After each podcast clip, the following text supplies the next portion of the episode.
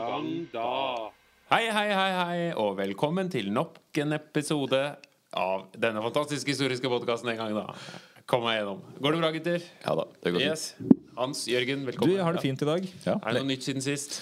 Nei, det er en stund siden vi møttes sist, så det, det, det burde vært mye å si, men det er ikke det. Jeg driver og forlenger skjegg. Eh, Ja, det gror. Ja, ikke- det ser jeg. det, det vokser og vokser og vokser. Jeg, og gror det sjøl, eller? ja, det gror selv, ja. Og jeg, jeg, har, det er jeg er ikke radikalisert eller noe sånt. Det bare, jeg tar det bare ikke. Så får jeg se når jeg tar det. Ja. Det, det er ikke så spennende i en podkast, kanskje, å snakke om hvordan det ser ut. Nei, nei, nei. nei det er flott skjegg. Det skal du ha. Ja. Men vi er ikke kommet her for å snakke om skjegg. Eh, men eh, kanskje vi kan jo snakke om noen andre skjeggete menn, kanskje. Men vi skal snakke om eh, den nye læreplanen i historie. Det er jo liksom tema for denne sesongen. Og nå begynner vi, har vi snakket eh, de to foregående sesonger, eh, episodene Så har vi snakket om litt sånne generelle kompetansemål som innleder læreplanen. I dag blir det litt mer sånn konkret historiske perioder og hendelser, eh, tenker jeg. Jepp. For vi kan jo bare hoppe rett i det og begynne med det første kompetansemålet vi skal snakke om i dag. Hvor det står da at mål for opplæringen er at elevene skal kunne gjøre rede for viktige endringer i hvordan mennesker har skaffet seg mat og brukt naturressurser, og vurdere betydningen av dette for mennesker og et bærekraftig samfunn. Ja, Altså gjør rede for viktige endringer i hvordan vi har skaffet oss mat og brukt naturressurser, og hvilken betydning har dette hatt for mennesker og bærekraftig samfunn. Kan vel argumentere her for at dette her er lange linjer. Ja. det er, ja. Hva, med, hva legger du i det? Nei, at dette her, Hvordan mennesker har skaffa seg mat, er jo endringer som skjer over tid. Og for så vidt også en kontinuerlig prosess egentlig, som foregår fremdeles. Eh, ja. Fordi da jeg var student, så handla jeg på bunnpris. Ja, Men nå handler jeg mer på Rema og Meny. På båndpris, som det heter. Ja. Og, ja. Ja, ja, det er sant. Og, men uh, bare litt mer Det er kanskje ikke det vi skal fram til. Litt, litt mer seriøst. Altså, skaffe seg mat og andre ressurser. Da, for så vidt uh, se det i sammenheng der. Så ser vi jo også nå at, at selvfølgelig de fleste kjøper ting i butikken, men det med å gradvis gå litt tilbake til byttehandel har jo blitt populært av miljøhensyn, uh, ressurshensyn. Det å bruke mer av altså, Spise avfallsprodukter, for å si det litt enkelt. Hente mat i søppelkasser. Restauranter som spesialiserer seg på å bare bruke ting som egentlig skulle kastes. Så ting er jo i endring nå òg. Men um, Det her er jo, ja. som du sier, lange linjer. For det er jo egentlig, så kan vi si grovt sett, så har det vært to, to måter å skaffe seg mat. Det ene er hente det naturen har å by på. Jakt og sank. Jakt og sank, ja. Altså rett og slett uh, leve av uh, litt sånn hånd til munn og ta det som er rundt deg. Det har ikke jeg gjort noe særlig. Nei. Og så har man, og selvfølgelig fisk, da. Men også har man begynt på et eller annet tidspunkt med jordbruk. Og det er jo fortsatt det vi lever av. Men så er det jo selvfølgelig også mekaniseringen av jordbruket som kommer med en industriell revolusjon. Og det er den andre. Det er den Så det er de to store endringene i matproduksjon. Ja. Så, så måtte, hvis du ser for deg på måte, samfunnet før jordbruksrevolusjonen, da, så, så var det, det andre, den andre måten å leve på. Det å leve mer av det naturen ga. Da. Eh, Klart ikke så mye. Du, du produserte ikke maten din sjøl på samme måte. Og da, og da preg, ble jo hele samfunnsstrukturen din prega av dette her. Ikke sant? Små grupper bevegde seg rundt der maten var. eh, eh, Kostholdet ble prega av det. For her kan vi også trekke inn eh, det som er det som kalles et materialistisk historiesyn. For det er jo det vi egentlig litt har nå. Ja, Og det er jo egentlig knytta til Karl Marx og hvordan han så på historien. Apropos andre skjeggete menn. Nemlig at ikke sant? Ja, produksjonsprosessen er, og hvordan vi skaffer oss ja, mat og gjenstander, da, er formativt for resten av samfunnet. Fordi det blir jo store forandringer når man går fra jakt og sanking til jordbruk. Uh, hvor at man får større samfunnsstrukturer, man får bofasthet, man får uh, sosiale hierarkier i mye større grad. Så det forandrer jo i stor grad måten vi lever på.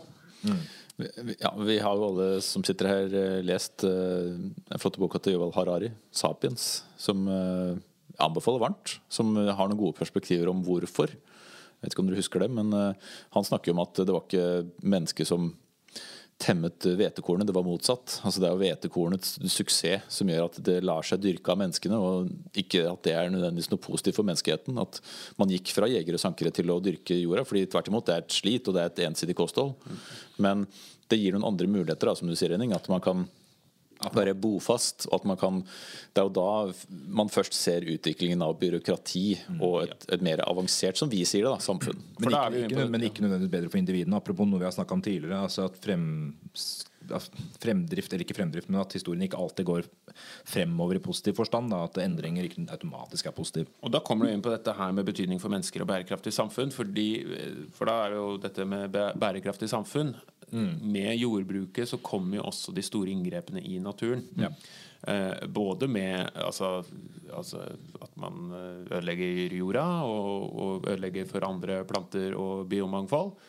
Eh, men også sant, mye av drivkraften i veldig mange store imperier og sånn er jo nettopp å skaffe seg nye områder fordi man trenger nye områder, man trenger mer mat og mer korn til en stadig voksende befolkning. Ja, og, og det er på en måte også blitt normen da, i et sånt type samfunn at man skal ha vekst. Eller at man skal eh, få mest mulig ressurser ut av eh, området man bor i, eller verden generelt. Da. Og, det, og det er jo ikke nødvendigvis sånn at det er isolert sett den beste måten å leve på. Men det har Ikke blitt, for individet. Nei, men det har blitt en sånn tanke om at den materialistiske økningen da, er, er måten å utvikle seg på som art. For, for å si det igjen med noe Harari vel skriver, at uh, sammenligner med kyllinger da, at uh, som art så er det jo veldig mange kyllinger nå, og det er en seier for arten kylling, men en, hver enkelt kylling har det jo ikke spesielt mye bedre nå enn det hadde for uh, 1000 år siden. Og det samme kan du si om mennesker. da. Ja. Så har man romantisert også den første perioden her. Altså mennesket som jeger og sankere. Det er ikke sikkert at det var et, et dårlig liv heller. For, for, for individene, da, fordi man hadde Uh, som, som har seg mer fritid, f.eks. Mindre arbeidsintensivt. Men det var også veldig uforutsigbart. Ja, du kunne jo i stor grad, hvis du sammenligner med i dag, da, dø av en flis i fingeren. Ikke sant? Altså, Ja, selvfølgelig. Infeksjoner og sykdommer, og, og levealderen var jo veldig og det er ikke noe hemmelighet kort, og barnedødeligheten var jo veldig høy. Det er ikke noe hemmelighet, at legevitenskap, medisinering og, og den type helsehjelp ikke hadde kommet dit den er i dag Uh, uten jordbruksrevolusjonen. Den, den hadde jo ikke oppstått i et jegersankersamfunn fordi behovene ikke, eller mulighetene ikke var der. Uh, for du frigjør ikke nok tid til enkeltindividet til å drive med den utviklinga. Men det er jo med liksom jordbruksrevolusjonen og det, altså, det, Dette er jo ikke over natta heller, dette er jo en lang periode, men det er jo da man altså, Som det står i kompetansemålet, kompetansemål, altså brukt naturressurser, hvordan man eh, på, i mye større grad påvirker naturen rundt seg. Eh, og det er jo da også verdt å trekke opp, opp mot industrialiseringen og hvordan den enorme veksten da, har skapt miljøproblemer og overforbruk osv. Det er for øvrig interessant det der med du sier at det ikke skjer over natta, så er det fremdeles eh, ikke hel enighet blant uh, arkeologer, forskere, historikere, antropologer over om hvor lang tid det tok å gå fra jeger-sankersamfunn til jordbrukssamfunn. Jeg leste noe om dette her nå nylig i en annen bok, om, om at man splitter gjerne i to leirer. De som mener at dette var en svært langsom prosess over noen tusen år, med gradvis veldig sakte endring fra det ene systemet til det andre, med noe mer jordbruk nå og da, liksom noe mer bofasthet og sånt. Mens andre mener at det kan ha skjedd så fort som over noen hundreårsperiode. Noen hundre år. Så man vet rett og slett ikke, eller man er i hvert fall ikke enig, da. Og det er litt interessant. Men noe av det viktigste poenget her er jo at når man først har gjennomført denne jordbruksrevolusjonen, så er det ingen vei tilbake. Altså fordi man, man gjør seg avhengig av altså Man får mer ressurser til å få flere barn, og hvis man har flere barn, så er det ikke nok mat. Hvis man går tilbake til sanke og je, sanking og jeging. Det som er interessant er jo at dette her ser ut til å skje uavhengig av hverandre mange steder i verden. Altså ikke utelukkende ut av uavhengig av hverandre. Mest sannsynlig så var det noe kommunikasjon. F.eks. Jordbruksrevolusjonen i Midtøsten skjedde jo såpass lenge før jordbruksrevolusjonen i Nord-Europa eksempel, at det er naturlig å tenke at eh, noen av bøndene der nede kom oppover og inspirerte eh, bøndene her oppe. Men, men samtidig så ser vi omtrent samtidig en utvikling flere steder der man går over gradvis til jordbruk. Men ville dere levd da istedenfor nå? Nei. Så jegersanker. Nei. Nei. Men Nei, jeg hadde klart meg dårlig. Det, jeg, hadde ikke du klart det ganske bra?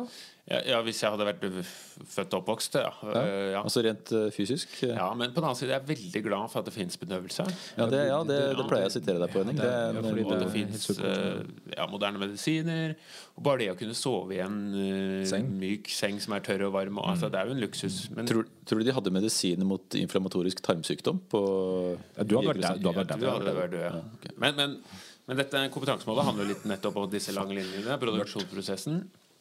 Og så er det jo verdt å trekke det opp mot det moderne industrialiserte samfunnet og, og egentlig se vår egen kontekst og, og vår egen eh, materielle velstand i en historisk situasjon, men selvfølgelig også snakke om dette med bærekraftighet og, og hvordan Ja, Det er jo interessant det med bærekraftighet. fordi det, det ser ut til at ganske tidlig egentlig selv om vi ikke har vært så veldig gode på det, så ser det ut at man, man ganske tidlig har fått en bevissthet rundt det at det vi gjør med naturen, er et ansvar vi mennesker er nødt til å ta. Da. At vi er nødt til å ta et ansvar for, for hvor mye vi henter ut kontra hvor mye vi gir tilbake igjen. Altså man har, greit nok at man har utrydda dyr og f.eks. dette med hvorvidt eh, altså, eh, mammuten at man utrydda det, men, men for all del, eh, noen mener jo også at de men Det var ikke bare menneskene her, her var det handlet det om klima også. Men, eh, men at eh, men at man tidlige myter har, har ført inn i eh, religiøse tekster og religiøse fortellinger at mennesket har et særlig ansvar for, for verden rundt seg. Det, er ikke, det er ikke tilfeldig at man har skrevet det inn i eh, både de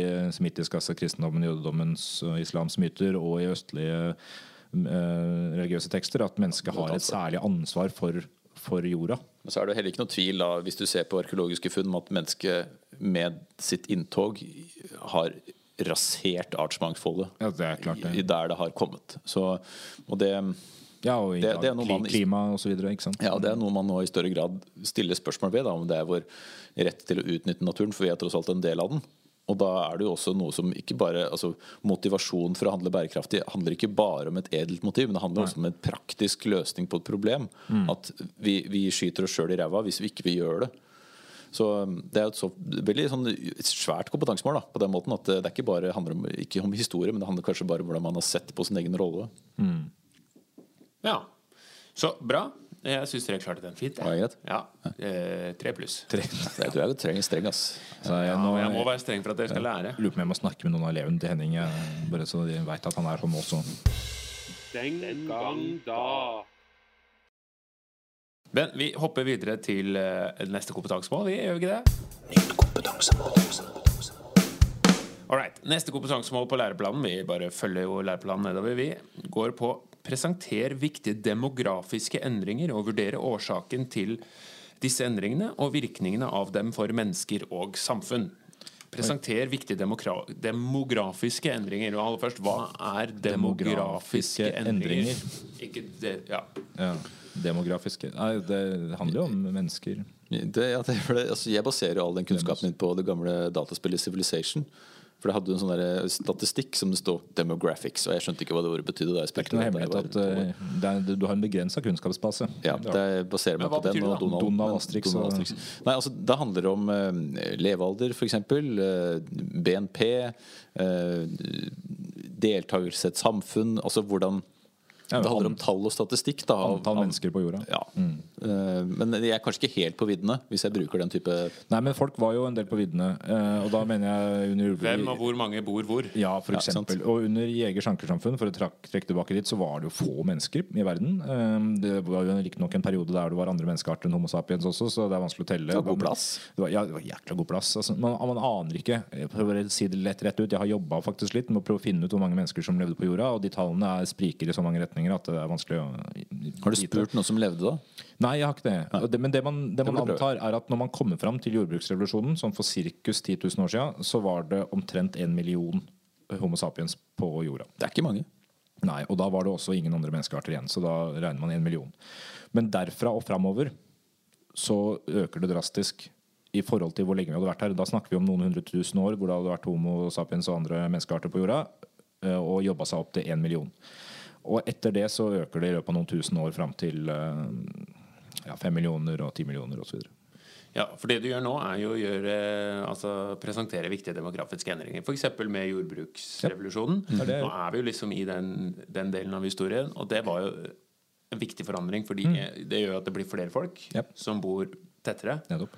Og det er, det er en viktig del av den demografiske endringen. Man kan brødfrø flere gjennom et jordbrukssamfunn, og man trenger flere mennesker for å drifte et jordbrukssamfunn, så derfor får du en vekselvirkning. Og så har det også et, um, et annet historisk aspekt her. Og det er å, på en måte, å, forklare sammenhenger gjennom statistikk, og dermed kunne få bukt med problemer som f.eks. barnedødelighet, Ja. som har store konsekvenser i et samfunn. Og det er jo noe som kontinuerlig er et problem. For barnedødeligheten var jo høy før. Ja, men, og den er jo fortsatt høy i visse områder Ja, av verden. Men, men f.eks. det at man fant ut at det var sammenheng mellom Smitte og- eh, smitte. Mm. Bakteriologi er jo en, en revolusjon innen barnedødelighets Altså hvordan man takler det, hvordan man unngår det i stor grad. Selvfølgelig også henger det sammen med, med, med tilgang på ressurser og, og helserelaterte muligheter da, man vokser opp i. Så har du også demografiske endringer sånn i på, på grunn av kjappe eh, hendelser, altså type pestbølger og sånn, ikke sant? eller kriger som har vært så voldsomme at det har påvirka befolkninga sånn som på jorda ganske kjapt. Sånn som uh, svartedauden da, ikke sant? og dens konsekvenser. Men så ser vi Den neste store bølgen med på en måte demografisk endring er jo egentlig under industrialiseringa. Og dette er det samme som i det forrige kompetansemålet. altså Det er, liksom, det er jordbruksrevolusjonen, og det er, og det er um, industriell revolusjon som påvirker menneskets spredning mest. da. Ja, så ser man den kurven på befolkningsvekst. Den har jo eksplodert de siste 100 år. Ja, ja, hvis man skal se på den og, Men eh, det er ikke nødvendigvis sånn at den vokser like fort lenger. Nei, det- Eh, nei, det er ting som tyder på at den ikke gjør det. apropos demografi, der har man jo en demografisk treghet. Det tar tid før måte, tallene tar igjen utviklinga, eller hvordan man skal si det. Altså, det. Det ser ut til å være en tendens en stund med et eller annet, og så tar det tid før ting flater ut, bare fordi folk lever, og det krever noe tid før generasjoner endrer seg. Eller før ting stabiliserer seg. Men befolkningsvekst er jo i utgangspunkt et eh, tegn på et, eh, et samfunn som Ja, ja. funker, i den forstand at det altså, funker jo på ulike måter, men at det, det er jo et tegn på et, eh, et vellykka samfunn. Flere vokser opp, flere blir gamle. Så uten å gå på hvordan de har det, og sånn, men, men at man klarer å overleve. Så hvis man ser på det som det primære behovet som man har som menneske, så er jo det et tegn på et samfunn som funker. Er Så sånn sett så vil jo de mest befolkningsrike landene og sånn i utgangspunktet da være gode tegn på at det er eh, Vellykka. vellykka. Men det er jo ikke nødvendigvis sant, heller. Ja, altså, men ja, altså, det, er, det er en artig Eller artig, en fascinerende nettside som heter Gapminder, som er basert Ja. på Hans Rosling, som er statistiker, som er død, dessverre. Fantastisk fyr, som dere sikkert kjenner til. Uh, han, og der kan du jo se statistikk de siste 200 år, er det vel? Eller ca. 150 år. Og se på forventa levealder.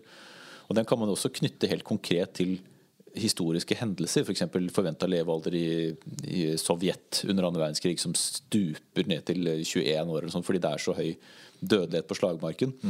Um, eller andre typer opprør da, som, um, som man ser rett og slett konkret i statistikken. Men der ser man også bare på at, at uh, BNP uh, henger sammen med forventa levealder og henger sammen med økonomi.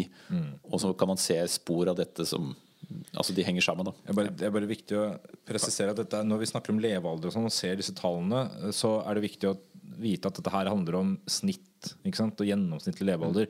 Det var en, jeg husker under, jeg irriterte meg over det, selvfølgelig irriterer meg over mye rart, men i, i 2014 så var det jubileum for 1814 og Grunnloven og alt det der, og da hadde NRK noen sendinger, og så var det to programledere som sto på gata og snakka om hvordan livet var i 1814, eh, og de la frem da at eh, ja, nei, Du snakka om den kvinnelige programlederen som jeg ikke husker hvem var, og ikke husker hvor gammel var heller. Men uh, du ville f.eks. mest sannsynlig ikke vært i live da, fordi hun var for gammel. da, så Ja, så det. var lavere. Men det er jo en, selvfølgelig en feilbarlighet. Hun ville antakeligvis vært i live. Det er ikke, det er ikke sånn, det er ikke at folk døde i 20-åra alle sammen, men, men barnedødeligheten var så høy, da, f.eks. Og Det er jo kanskje den viktigste altså demografiske forandringen. Fått ned barnedødeligheten, Ja. da, barnedødeligheten, som gjør jo at vi får en enorm befolkningseksplosjon i kjølvannet av den industrielle revolusjonen og den, og den vitenskapelige utviklingen der. Og så er jo da, som du, sant, Dette er jo en vurdere årsakene til, eh, men også endringer. da, altså det forandrer, altså, det altså virkninger, mener jeg. Altså vurdere virkningene. For dette fører også til at måten vi lever på, måten vi eksisterer på, blir helt annerledes. Eh, både det, ikke sant, urbanisering, flere og flere som bor i byer.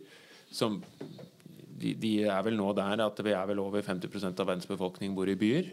Som er jo helt uvanlig, sett i historisk kontekst. Virkelig uvanlig. De aller fleste har jo bodd på landsbygda opp gjennom historien. Ja, De aller fleste har jo forholdt seg til langt færre mennesker daglig enn det man gjør nå. Det har jo vært et fjell mellom naboene, i motsetning til hekk, eh, som er vanligere nå. Sånn at, ja, takk. Så, så det har eh, eh, Jeg tror jeg har stjålet den vitsen fra Are Kalve, bare så jeg har sagt det. Men eh, Engstelig for at du får- Ja, jeg er livredd for at eh, Are skal ringe meg.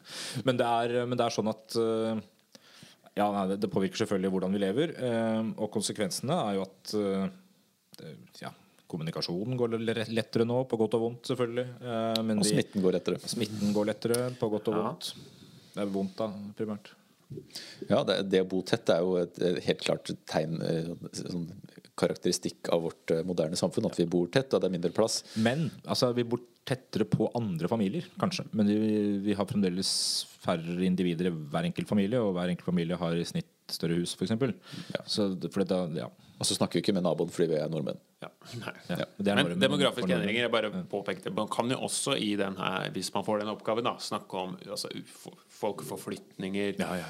migrasjon, eh, altså hvordan folk beveger seg rundt omkring, og befolkningssammensetning. Men, ja, men også da som konsekvens kanskje av nettopp at det blir flere. da F.eks. utvandringa til Amerika på 1800-tallet, eller eh, Det- Folkevandringstida Ja, og dette her kan man jo- i- av eh, romertida. Dette her kan man også sette i sammenheng med brudd og kontinuitet, som vi snakket om i tidligere episoder. At når Romerriket kollapser, så flytter folk. Og det er også en, det, er, det er et brudd i en historisk tidslinje, men det er også en voldsom konsekvens er demografiske endringer. Eller bare det at det er mennesker mer eller mindre på hele jordkloden. eh, selv om alle egentlig kom fra Afrika, som man har vandra ut en eller annen gang. Eh, dette her henger også sammen med demografiske endringer. Så er det jo spennende å bruke som utgangspunkt for diskusjonen videre. For det er jo som dere sier at det, har jo vært en sånn eksponentiell vekst med, blant mennesker eh, etter hvert som barna overlevde. Og det er veldig ålreit at flest mulig barn overlever. Men så kommer man jo også til et punkt hvor man eh, i samfunn med mye penger og utdannelse velger jo ikke få så mange barn. Altså Man kommer dit hvor vi egentlig er i Norge i dag, hvor vi har jo fått beskjed av vår tidligere statsminister at vi får få få barn. Ja, og Da får man befolkningsnedgang. Ja. Og det, det, det er jo ikke gunstig på mange måter. da. Det er gunstig for klimaet at det fødes færre mennesker, men, men for generasjonene som er gamle, så er det jo krise. Fordi hvem skal passe på dem? Fordi, men fortsatt så ser vi der, det, det er jo de fattigste landene hvor man får flest barn, og hvor befolkningsøkningen er høyest. Og det er jo rett og slett usikkerhet. Altså det å få barn som en garanti for fremtiden. Eh, selv om jeg har jo fått barn for at de skal ta vare på meg når jeg blir gammel, så er det ikke det, det som er standarden i, i Norge i dag. For de trenger det ikke, men i land hvor det er eh, mer eh, fattigdom og, og nød, så vil man måtte ha barn for å kunne garantere seg en Ja. en alderdom, da. Sånn sett kan du si at altså, Grunnen til at man får barn i dag, i, i hvert fall for min del, da, kanskje vil i større grad være en, en psykologisk sikkerhet når jeg blir gammel, ikke en, og en sosial sikkerhet, ikke en materiell. Ikke sant? Det, er Ja, ikke fordi en jeg trenger, ja, det, er ikke fordi jeg, det er ikke fordi jeg trenger en materiell eh, sikkerhet i at dattera mi skal passe på når jeg blir gammel, men jeg, jeg trenger en eller annen generasjon som er under meg, som psykologisk og, og sosialt er glad i deg tar vare på meg. Liksom. Ja. Men Har ikke dere fått barn for at de skal gjennomføre de knuste drømmene deres? Jo, jo. Jeg har ingen, vet du hva, jeg har oppnådd alt jeg vil. Alt jeg vil.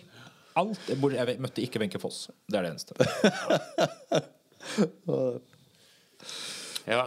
Nei, men eh, bra, bra, gutter. Da har vi fått snakket litt om hva demografi er for noe. Kan jeg bare skyte inn én ting der? Ja. Fordi, bare, bare en liten ting, for det er litt interessant da At man har gått fra jeger-sankersamfunn til jordbrukssamfunn videre til moderne samfunn Og alt det der Og Jørgen sa i stad at det ikke kan reverseres Og det er helt riktig Og det er jo også Når du ser noen går over til jordbruk Så er det vanskelig for de andre i områdene rundt Å tviholde på jeger-sankersamfunnet Av to grunner Man ser at jordbruk er mer effektivt Sånn over, umiddelbart i hvert fall Eh, Det er det ene. For det andre, også vanskelig å fortsette å jakte på dyr når dyra i større grad blir innhegna av andre. Det er upopulært å drive og skyte dyr eller drepe dyr som noen har hegna inn. Det er det. Hegna inn. Eh, Men i- nå ser vi jo, i dag ser vi jo eksempler på folk som er på jakt, og så skyter de f.eks. tamhjort. Eh, Dyr som er domestisert da, til å holde seg i et område. Man eier de dyra, og så leier folk eh, jaktlisens for, å si, for å dra og skyte de tamdyra. Fordi man prøver, man, man vil liksom drive med litt jakt, men, men det er fremdeles på domestiserte dyr. Det er jo en en snurrig kombo, på en måte. Ja, det er en slags, slags eh, fantasi om ja. det, er litt, det er noen romantisering her òg. At jakt handler ikke om eh, Det er ikke matauk, det er ikke Nei. forvaltning av ressurser. Det er bare det er gøy å jakte. Eller spennende å jakte.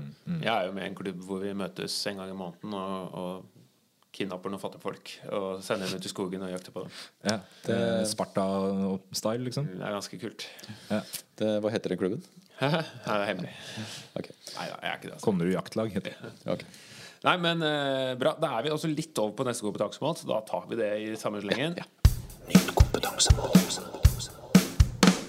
Ja, for de neste kompetansemålene da er gjør rede for hvordan handel og økonomiske systemer har påvirket maktforhold og menneskers liv. Oi. Altså gjør rede for hvordan handel og økonomiske systemer har påvirket maktforhold og menneskers liv. Kan jeg spørre om en ting? Hva er dere mest interessert i? Handel, økonomiske systemer eller maktforhold? Uh, maktforhold. Neida, men det er vel poenget å se hvordan dette henger sammen. eh, er vel kanskje litt av poenget med dette ko- eh, kompetansemålet. For hva, hva er det man liksom skal ta utgangspunkt i da? Jeg, jeg tenker kolonitid. Det er liksom det første som slår meg her. Hvordan, eh, hvordan man har et, et påtvunget økonomisk system som er gjennomført med makt for å kunne handle. Ja, ja, det første jeg tenkte på, er overgangen fra merkantilisme til kapitalisme. Og så tenkte jeg Og nå tenkte jeg alt dette her tenkte jeg akkurat nå, fordi jeg er kjemperask i tankeprosessen. Utrolig intelligent type. Så tenkte jeg på hvordan også steinalderfolk f.eks. drev med handel. Og bytting da, på, på Ja. relativt store avstander, større enn vi tror kanskje, med båt og greier. Ikke sant? At de, Ja. du, du finner eh, ting hos en gruppe som åpenbart de må ha kjøpt, eller ikke kjøpt, bytta til seg fra en gruppe lenger unna. Da. Så Maktforhold kan både være liksom de små stammesamfunnene, men også være eh, nasjoner, da, som i, på, i kolonitiden på 1500-tallet f.eks. Eller unioner av nasjonalstater, f.eks. Ja. EU. Ikke sant? Som Ja. Men her, det er jo også, her er det jo veldig relevant å trekke inn eh, kapitalismen, som du nevner her. Og, og for der også er det ulike altså Nettopp dette med maktforhold knytta til økonomiske systemer. Eh, og der hvor Karl Marx og marxismen mener at kapitalismen gjør deg ufri. Kapitalismen Når noen sier at 'dette er mitt', og, og så er det på en måte tyveri. eh, og- Eiendomsrett. Ikke sant? Eiendomsretten, den private eiendomsretten som noe som gjør at noen få eh, Altså samfunnet gagner noen få, de som eier, mens de, alle andre bare arbeider og, og sliter med sitt og produserer jo all velstanden, mens det er noen få som får det. Og derfor at kapitalismen som system undertrykker og gjør at de med makt blir værende med makt, og de alle andre er, har ikke det, da. Ikke? Men så vil jo og, da kjemper da for et klasseløst samfunn, og til syvende og sist kommunismen. Mens noen vil mene at kommunismen er jo nær, heller motsatt. Altså der er der noen sitter med makt, og det er lite frihet.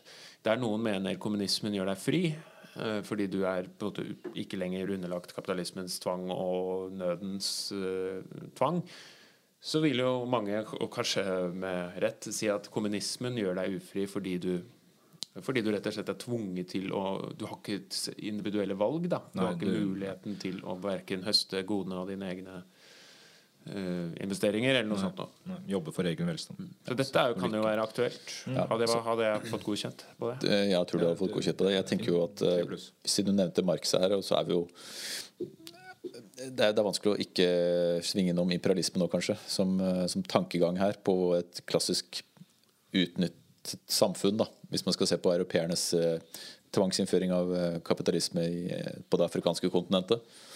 Um, og hvordan man, hvordan man bruker det altså Man har et maktovertak i utgangspunktet, og så utvikler man og forvalter det på en måte som gjør at det fortsetter over tid. Um, så um, definitivt eh, til gode for den ene parten eh, i større grad enn den andre. Dette her er jo et tema som kan ses på i lys av både nyere og eldre historie. selvfølgelig fordi det, er, det har jo alltid vært sånn, Enten man er marxist i historiesynet sitt Nå snakker vi ikke om marxisme nødvendigvis politisk ideologi alltid. Men i det å se på ressurser og, og klassekamp liksom, som drivkraft, så, så uansett hva man mener, da, så, så har dette her vært eh, viktig i alle tider. Eh, at eh, økonomi, handel det, de, de som sitter med muligheten og makta, de, de har lettere for å øke velstanden sin. Da. Kan man trekke inn vikingene her òg? Ja. Altså, nei, det er ikke greit. Altså, Nei, det, kan du utdype, da? Ja, ja, men det handler jo i hvert fall ut, også om et maktforhold. At vikingene utnytter et, et dårlig forsvart eh, Nord-Europa og, og gjør raid. Men som, som alle klisjeer sier, de, vikingene var også handelsmenn. Men de var jo det, selvfølgelig. Når, de, når de fant det for godt, eller fant det nyttig. Så, så er, men de er jo også en del av et større um, da, da er ikke nødvendigvis de de mektige heller. De er bare en del av et system som bare er etablert, og som Ja, gagner de var de var ikke de eneste her i bølgen. Nei, på den tida. Det Det er, jo, det er er jo spennende også med historien at man har vært uenig om mye, og er uenig om mye. Men det de aller fleste er er enige om, er jo at penger er bra. På et eller Det er annet vis veldig penger praktisk. bra. Ja, det har liksom vært mye er om krangling om eh, både altså, de ressursene. For det er jo altså, Vi er jo avhengig av en del ting, vi mennesker, for å overleve. Blitt. Så det å ha på en måte kontroll over det å ha så mye ting som mulig, er jo verdt mange som har ønska opp gjennom historien. Det er sant. Og det, fordelen med pengene er jo at eh, det er mye lettere å frakte med seg pengene sine enn gården sin, f.eks. Hvis du skal handle. Det er Hvis gården din er det Det er eneste du har som har verdi. Men riktig. ulempen er at det er mye lettere å stjele pengene enn gården. Ja. Ja.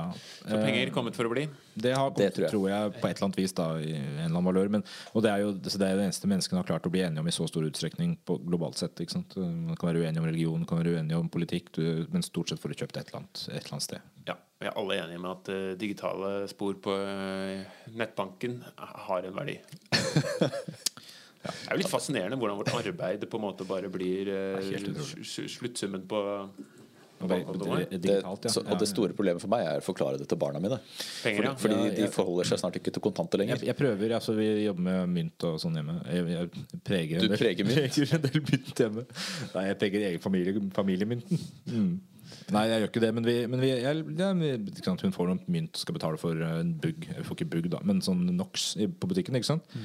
Eh, og litt sånn penger. Men det, for all del digitalt. Det er jo sånn det er. Men, uh, men eh, jeg veit ikke. Eh, økonomisk kriminalitet er mye lettere med digitalt enn en, enn, eh, Jeg vet ikke. ja. Hvis du bare hadde hatt myntruller, så hadde det ikke vært så lett å stjele dem. eh, la oss holde ja, før vi faser helt ut der. Ikke sant? Penger, men penger har hatt en stor påvirkningskraft. Og økonomiske systemer og handel har jo påvirket menneskets liv i stor grad. Og gjør det jo fortsatt. Så uh, det er jo mange eksempler å trekke av. Men Men alle men vet jo det, Jørgen, at du, du driver jo en del med penger. Og folk som driver med aksjer og sånn, er jo De er jo, er jo gjennomgående onde mennesker, er det ikke Det, det? jo, jo, det, er, det er ondskapen, ja. ja, er materialistisk, altså, Jørgen. ja. Jeg, ja. Du kjører Tesla, da. Det skal du ha. ja. Når jeg først skal sitte i bil. Nei, men eh, supert. Da har vi se, gått gjennom en del eh, punkter. Dette med eh, naturressurser og bruk av det, og demografiske endringer, og handel og økonomi. Da er det tid for den faste spalten Er det sant? Er det sant?! Og er det det? Fordi Jeg spør dere eh, Og slaver i USA eh, og alle eh, Founding Fathers hadde slaver og sånn. Så har jeg hørt i oppveksten at eh, Lincoln hadde slaver. Hadde Abraham Lincoln selv slaver? Altså i husholdet sitt, på en måte. Ja, amerikanske presidenten Abraham Lincoln, som uh, var med og viktig for å oppheve slaveri, eller hva du skal kalle det. Ja. Ja. Nei. Jeg tipper ja. Du tipper ja, Henning tipper nei. For dette var jo på 1860-tallet og borgerkrigen og Altså, om han hadde slaver når han var president Ja, om han hadde slaver. Ja. Ja. President, ja. Det hadde tatt seg dårlig ut, da. Ja. Men jeg tror han hadde det. Det hadde han ikke. Eh, Tolv amerikanske presidenter har hatt det. Ja, han var ikke en av dem. Det var jo egentlig svaret på det. Eh, Det var det er det. greit, det. var det du sa. Ja, Så han kommer seg velberget gjennom som den eh, viktigste presidenten ever. Det eneste problemet hans i moderne sammenheng er at han var republikaner. Noe som eh, Hvis du ikke leser fortida ut ifra den tida det skjedde, så vil man få et inntrykk av at han var eh, Han var nok, Trump. Støtta Trump. var nok litt mer samlende enn eh, den moderne presidentkandidaten. Mm. All right. Brannfakkel. Ja. Takk for nå.